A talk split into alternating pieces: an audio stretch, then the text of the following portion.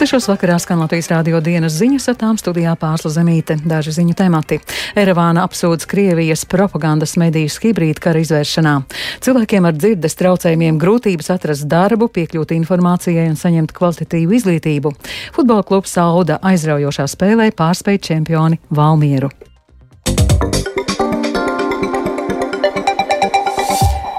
Armēnijā vairākas dienas turpinās protesti pret valdības attieksmi Kalnu Karabahas jautājumā. Erevāna apsūdzējusi Krievijas propagandas mēdījus hibrīda kara izvēršanā.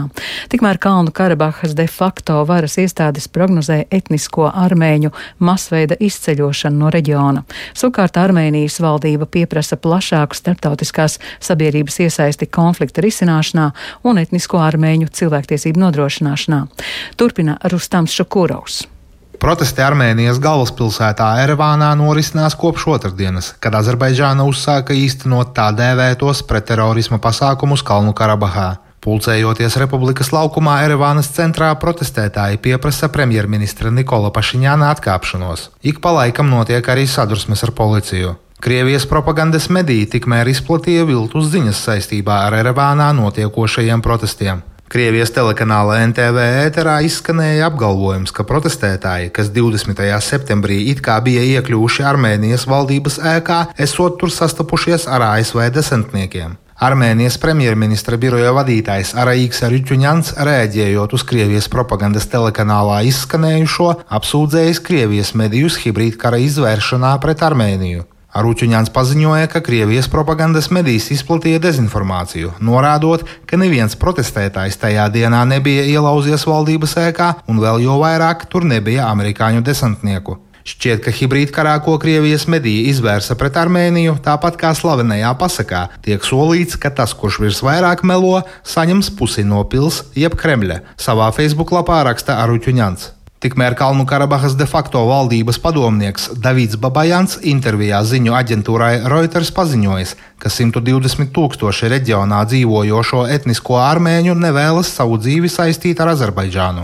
99,9% no viņiem izvēlēsies pamest savu senču zemi, norādīja Babajans. Tāpat padomnieks skaidroja, ka neskatoties uz Azerbaidžānas solījumiem ievērot etnisko armēņu tiesības Kalnu Karabahā, armēņi baidās no vajāšanām, ko pret viņiem varētu izvērst Azerbaidžāna. Saskaņā ar viņa teikto, Armēnijas valdība gatavojas uzņemt desmitiem tūkstošu cilvēku no Kalnu Karabahas, taču Erevānā arī tiekot liktas cerības uz drošības garantiju nodrošināšanu Kalnu Karabahas armēņiem. Tikmēr Armēnijas ārlietu ministrs Ararats Mirzojans, uzrunājot ANO ģenerālo asamblēju, mudinājis starptautisko sabiedrību pielikt visas iespējamās pūles, lai uz Kalnu Karabahu pēc iespējas ātrāk tiktu nosūtīta ANO starpaģentūru misija ar mērķi uz vietas apzināt un izvērtēt cilvēktiesību, humanitāro un drošības situāciju.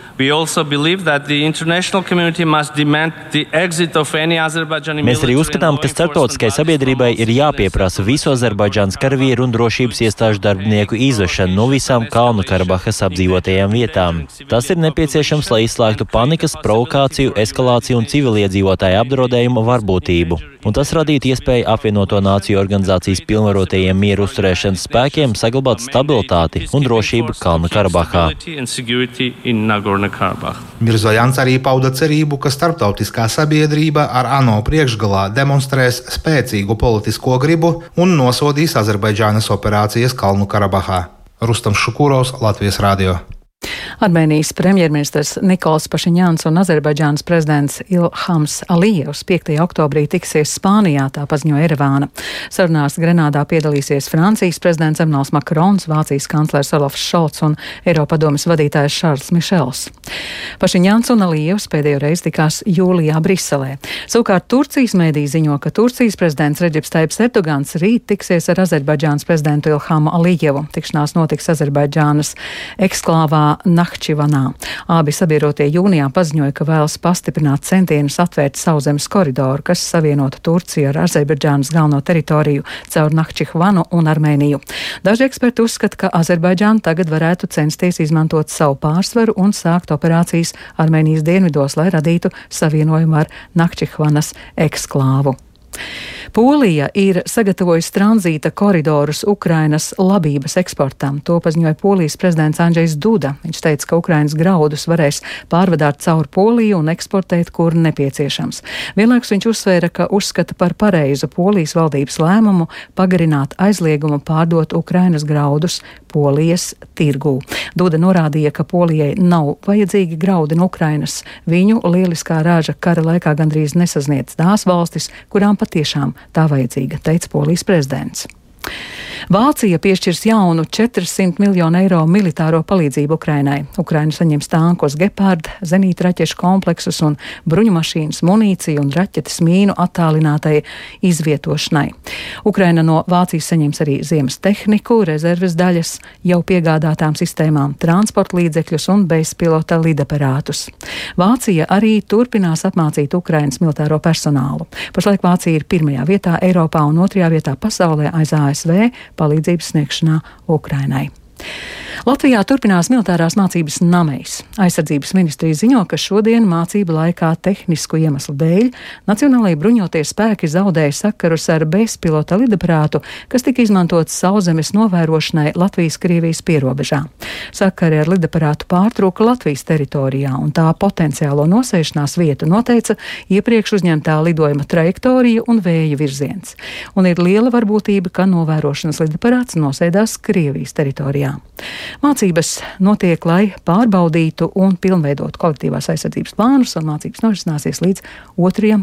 oktobrim visā Latvijā.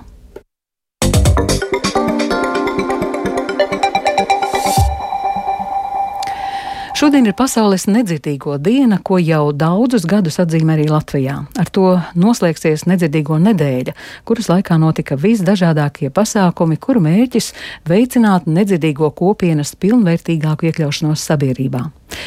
Latvijā kopumā ir aptuveni 2000 nedzirdīgu cilvēku un 30 tūkstoši cilvēku ar nopietniem dzirdes traucējumiem. Lai arī sabiedrības attieksme pret viņiem kļūst aizvien saprotošāka, tomēr joprojām bieži vien viņiem nāks justies kā otrā plāna cilvēkiem. Kādi bijuši nedzirdīgo nedēļas ieguvumi, to uz Nedzirdīgo savienību devās noskaidrot Baiva Kušķe. Labdien! Tā kā mums saka, Brigita, Baiva. ir, jā, jā. es runāšu. Nedzirdīgo savienības telpās tiekos ar savienības prezidentu Edgars Vorslovu un viceprezidenti zīmju valodas tulku Brigitu Lazdu, kura mūsu sarunā ir savienības vadītāja balss. Šī nedēļa sākās ar ļoti plašām aktivitātēm un negaidīja, ka bija tik liela atsaucība no mēdījiem. Vislielākais gandarījums man ir par to, ka arī no ārpuses ir arī interese par mūsu kopienu. Nedzirdīgo nedēļas laikā notika 15 visdažādākie pasākumi Rīgā un vēl astoņās pilsētās - atvērto durvju dienas, diskusijas, tikšanās un kultūras pasākumi. Prezentāciju piedzīvoja arī video materiāls, kurā iepazīstam aktīvus nedzirdīgo kopienas cilvēkus. Līdz manim atnāca ziņas, ka ļoti uzrunā šis video rullītis dzirdīgo sabiedrību un palicis atmiņā viena tēze, kas ir no video rullīša.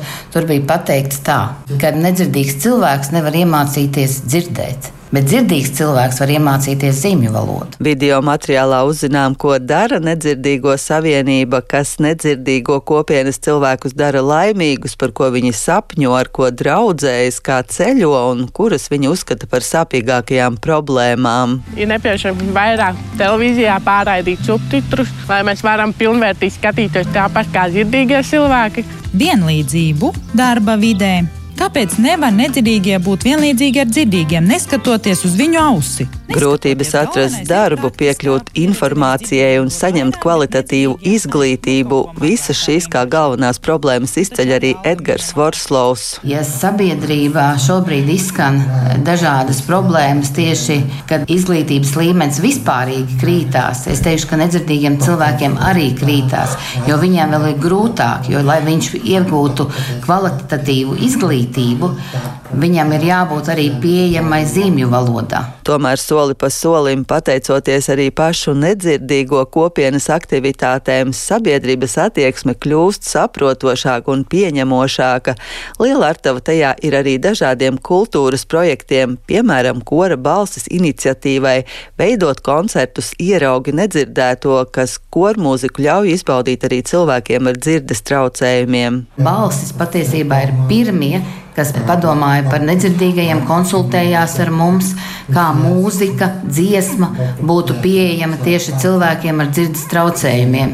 Un mēs mēģinājām dažādus variantus, gan ar vibrāciju, gan ar ritmu, gan ar tulkojumu. Arī koncertos pieaicinot zīmju valodas tulku, un tas priecēja, ka arī nedzirdīgs cilvēks var apmeklēt koncertu zāli, būt kopā ar visiem un šo koncertu baudīt zīmju valodā. Zīmju valodu savās norisēs iesaistījis arī teātra festivāls Homo Novus, kā arī festivāls Lampa. Baiba Kušķe, Latvijas radio. Un par sportu, un šoreiz par futbolu. RFS komanda nu pat viesos ar 1-0 pārspēja Jēlgavu, bet Latvijas futbola centrālā spēle šodien norisinājās vidzemē. Čempione Valmiera uzņēma trešajā vietā esošo Auda komandu, kurus mainīgi turnīra tabulā centās noķert. Spēles pirmais puslaiks aizitēja bez lieliem izrāvieniem, savukārt otrajā puslaikā Audas spēlētājs no Brazīlijas parūpējās par futbola karnevālu. Par spēli stāsta Lotārs Zariņš. Ar bīstamiem tālstieniem abas komandas apmainījās pašā spēles sākumā. Mačs 7. minūtē standarta situāciju un nespēja izmantot valmierieši pēc audu spēlētāja Abdijūno Ogunī nopelnītās dzeltenās kartītes. 27. minūtē ātrajā pretuzbrukumā bumbu mainieku vārtos radīja Reginaldo Ramīreša, taču bija fiksēta aizmugure. Abas komandas līdz pārtraukumam apmainījās ar pretuzbrukumiem, bet pirmās 45 minūtes noslēdzās ar bezvārdu neizšķirtu. Spēles otrajā daļā bija gaidāmi karstākie notikumi. Pēc nospēlētām desmit minūtēm Auda atklāja mača rezultātu. Precīzi bija Aleksejs Andrejs Saveļievs. Labs uh, pretuzbrukums, biju pareizajā vietā, pareizajā laikā. Un, uh, kas tur krīšs kārtiņš iedeva man asistu. Labi atgriezās viņas, viņš no traumas. Paldies viņam. Un uh, apstāju bumbu un tālāk stūrī labi trāpīju pa, bumbu, pa, pa vārtiem. Mēs tagad domājam tikai par trešo vietu. Tikai ejam uz katru spēli, lai uzvarētu, lai iegūtu trīs punktus. Ko tagad teikt? Vēl ātri vēl to teikt, jo ir vēl sešas spēles un vajag visas sešas paņemt punktus. Maču turpinājumā viesfutbolists Ramīrešs parūpējās par pamatīgu šovu. Brazīlietis pēc partneru piespēles šķērītē raidīja bumbu Valmieras vārtos, pēc tam saņemot zelta nokartīti par krākla novilkšanu svinību laikā. Īsi pēc spēles atsākšanās Ramīrešs pārkāpa noteikumus vēlreiz un saņēma jau sarkano kartīti. Kas par vārtiem? Es ļoti priecīgs par viņu, bet pēc, pēc vārtiem es uzreiz pateicu viņam, davai bez otras zeltnes kartītes, jo būs grūti desmit spēlēt ar desmit spēlētājiem. Nepagāja viena minūte uzreiz, otrā dzeltenē kārtība. To vārtu gumu viņ, viņš varēja noslēpt ar to, ar to sarkano kārtību. Čāļiem, kuri bija pagājušā sezona, man tie, tieši man liekas, ka katrs no visiem katrs jūta to, to uzvaras garšu un uh, negribas ar to apsēties. Un gribas vēl uh, uzvaras, lielas uzvaras. Kompensācijas laika otrajā minūtē Niks Dusalijevs vienus vārdus mainiekiem atguva, bet tas jau bija par vēlu. Spēlē panākumu zaudēja ar 2-1. Uzvarētāji vēl vairāk nostiprināja trešo pozīciju turnīra tabulā. Lotārs Zariņš, Latvijas radio. Bet Berlīnē šodien labots rekords maratona distancē sievietēm. Etiopijas sportiste Tigista Asefa finišēja divās stundās, 11 minūtēs un 53 sekundēs. Asefa Berlīnas maratonā uzvarēja arī pērn. Vīriešu konkurencē piekto reizi Berlīnē nepārspēts bija kenijietis Elijūts Kipčoge, kurš finišēja divās stundās, divās minūtēs un 42 sekundēs. Un ar to izskan Latvijas radio dienas ziņas. Producenta Vija Brēmze, ierakstus montēja Kaspars Groskops, par labskaņu rūpējās Ernests Valsts Fjodorovs, ar jums runāja Pārsla Zemīte.